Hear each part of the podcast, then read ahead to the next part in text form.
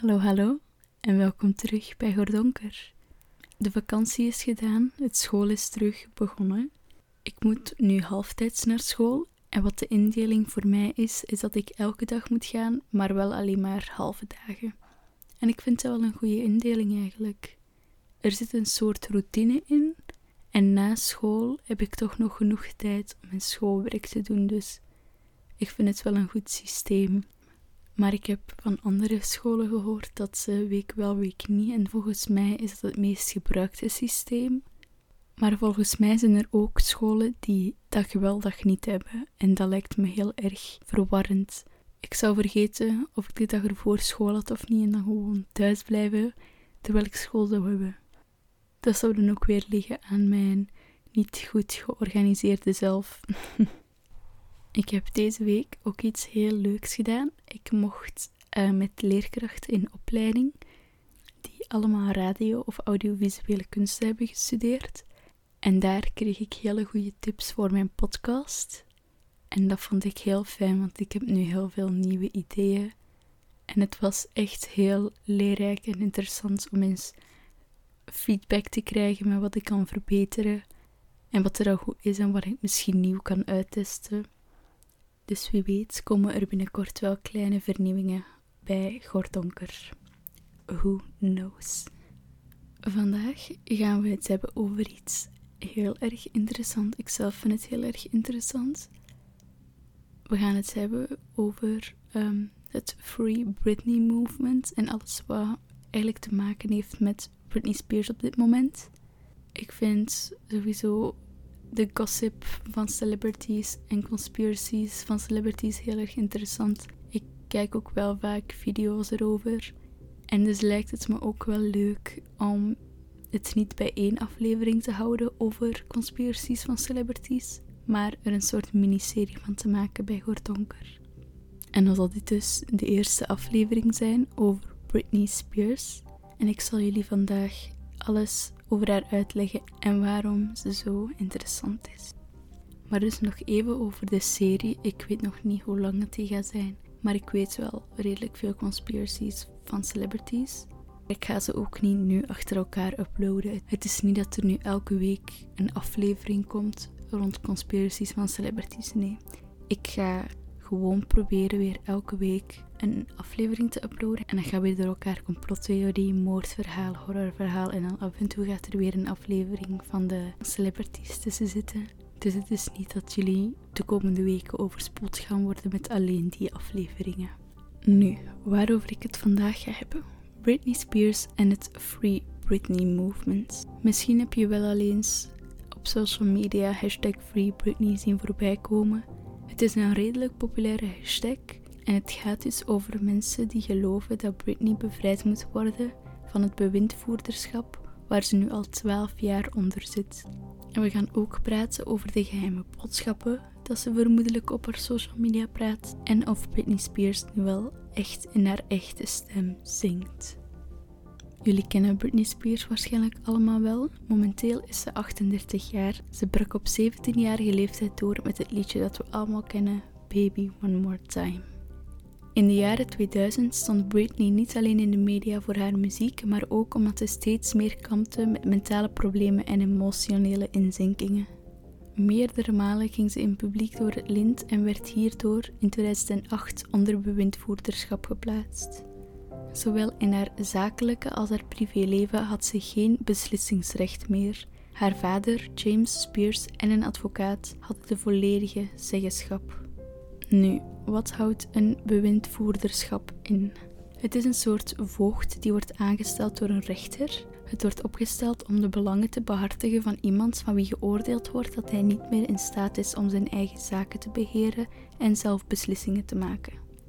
Voor Britney betekent dit dat haar vader en een advocaat de zeggenschap kregen over haar financiële situatie, haar gezondheid, haar woonplaats, haar gezinsleven en haar carrière. Ze verloor ook het hoederrecht op haar twee zoontjes. Nu, het is altijd al duidelijk geweest dat Britney een slechte band had met haar vader.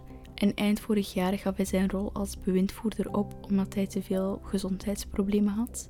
Jodie Montgomery werd haar professionele bewindvoerder. Ze maakte al een deel uit van het team van de popster, want ze was haar gezondheidsmanager. Dit wil zeggen dat Montgomery de noden van de zangeres inschat en samen met de gezondheidsmedewerkers de juiste behandelingen en therapieën afspreekt. Ook regelt zij de betalingen en verzekeringen.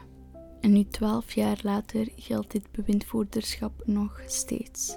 Volgens fans dient dit alleen om Britney te manipuleren en te controleren. Ze denken dat het een soort dekmantel is om de popster machteloos te maken en dat het is opgezet door mensen die uit zijn op haar fortuin. Britney probeert al lang om via de rechtbank het zeggenschap over haar leven weer terug te krijgen. 22 augustus probeerde ze opnieuw, maar ze verloor toen. De bewindvoerderschap is nu verlengd tot februari 2021. Buiten de rechtbank protesteerden fans van Britney die geloven dat de zangeres letterlijk en figuurlijk gevangen wordt gehouden door mensen met slechte bedoelingen. En dus de petitie van Free Britney heeft dus het doel het bewindvoerderschap te beëindigen. Nu zal ik het hebben over de geheime boodschappen die volgens de fans op de social media van Britney verschenen. Ze zijn er dus van overtuigd dat Britney letterlijk en figuurlijk gevangen zit. Volgens hun stuurt ze vooral op Instagram en TikTok boodschappen uit naar haar volgers, smekend om hulp.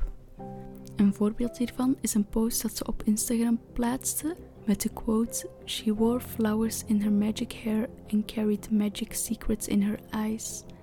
En dit komt uit het boek De God van Kleine Dingen van Arundhati Roy. En dit is volgens de fans geen toeval, omdat de personages in dat boek proberen te ontsnappen aan hun destructieve ouders. Het volgende kwam doordat fans op haar post hadden gereageerd: Draag geel als je in gevaar bent. En niet veel later postte Britney een filmpje op haar Instagram waar ze een boeket vast had dat ze van een bloemist had gekregen. En in de caption: Ik was zo blij dat ik mijn favoriete gele topje moest aandoen en dit gewoon moest delen. En dus in het filmpje had ze het boeket vast dat ze had ontvangen.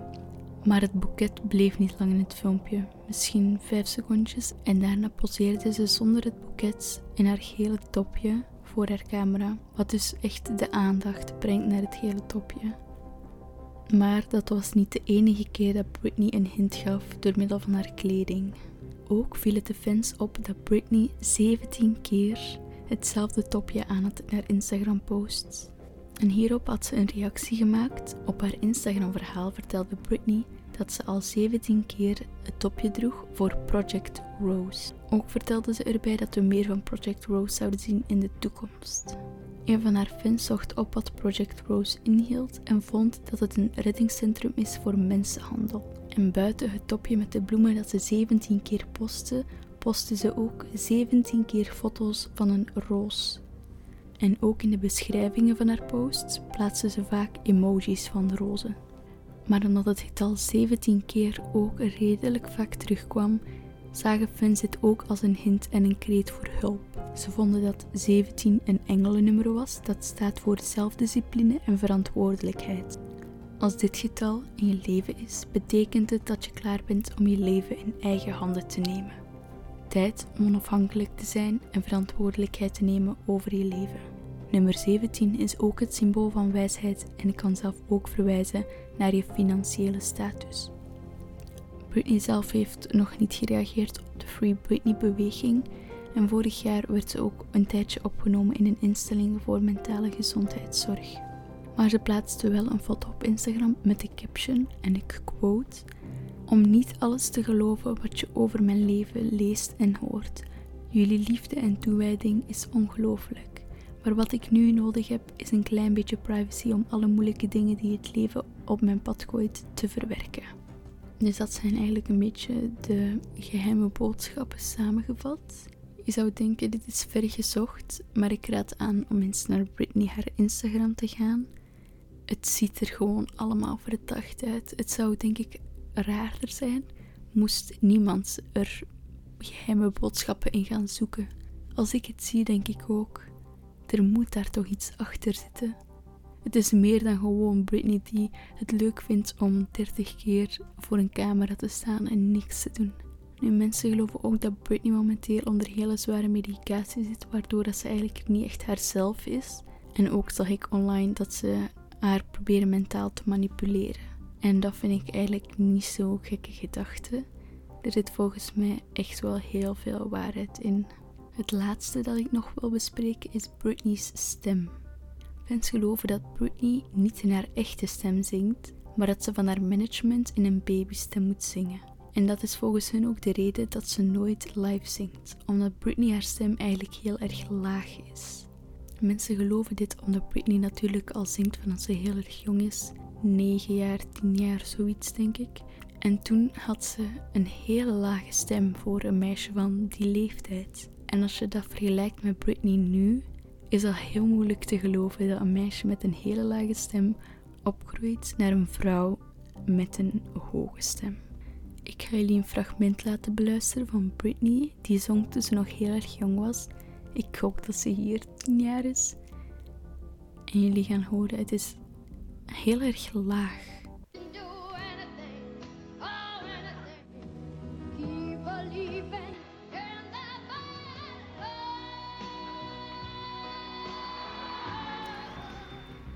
Zo, wat ik nog heb is dat Britney ooit een video op Instagram had geplaatst waar ze zong. En de persoon die dit filmt stapt de cirkels rond Britney. En als je stapt gaat de camera altijd wat op en neer.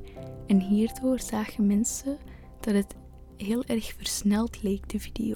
En dus hebben ze de video vertraagd tot het moment dat het leek dat het stappen op een normaal tempo was. En Britney's stem klinkt helemaal anders. En mensen geloven dat dit eigenlijk haar echte zangstem is. Ik zal jullie eerst de originele video laten horen die Britney op haar Instagram plaatste. En dan de vertraagde versie.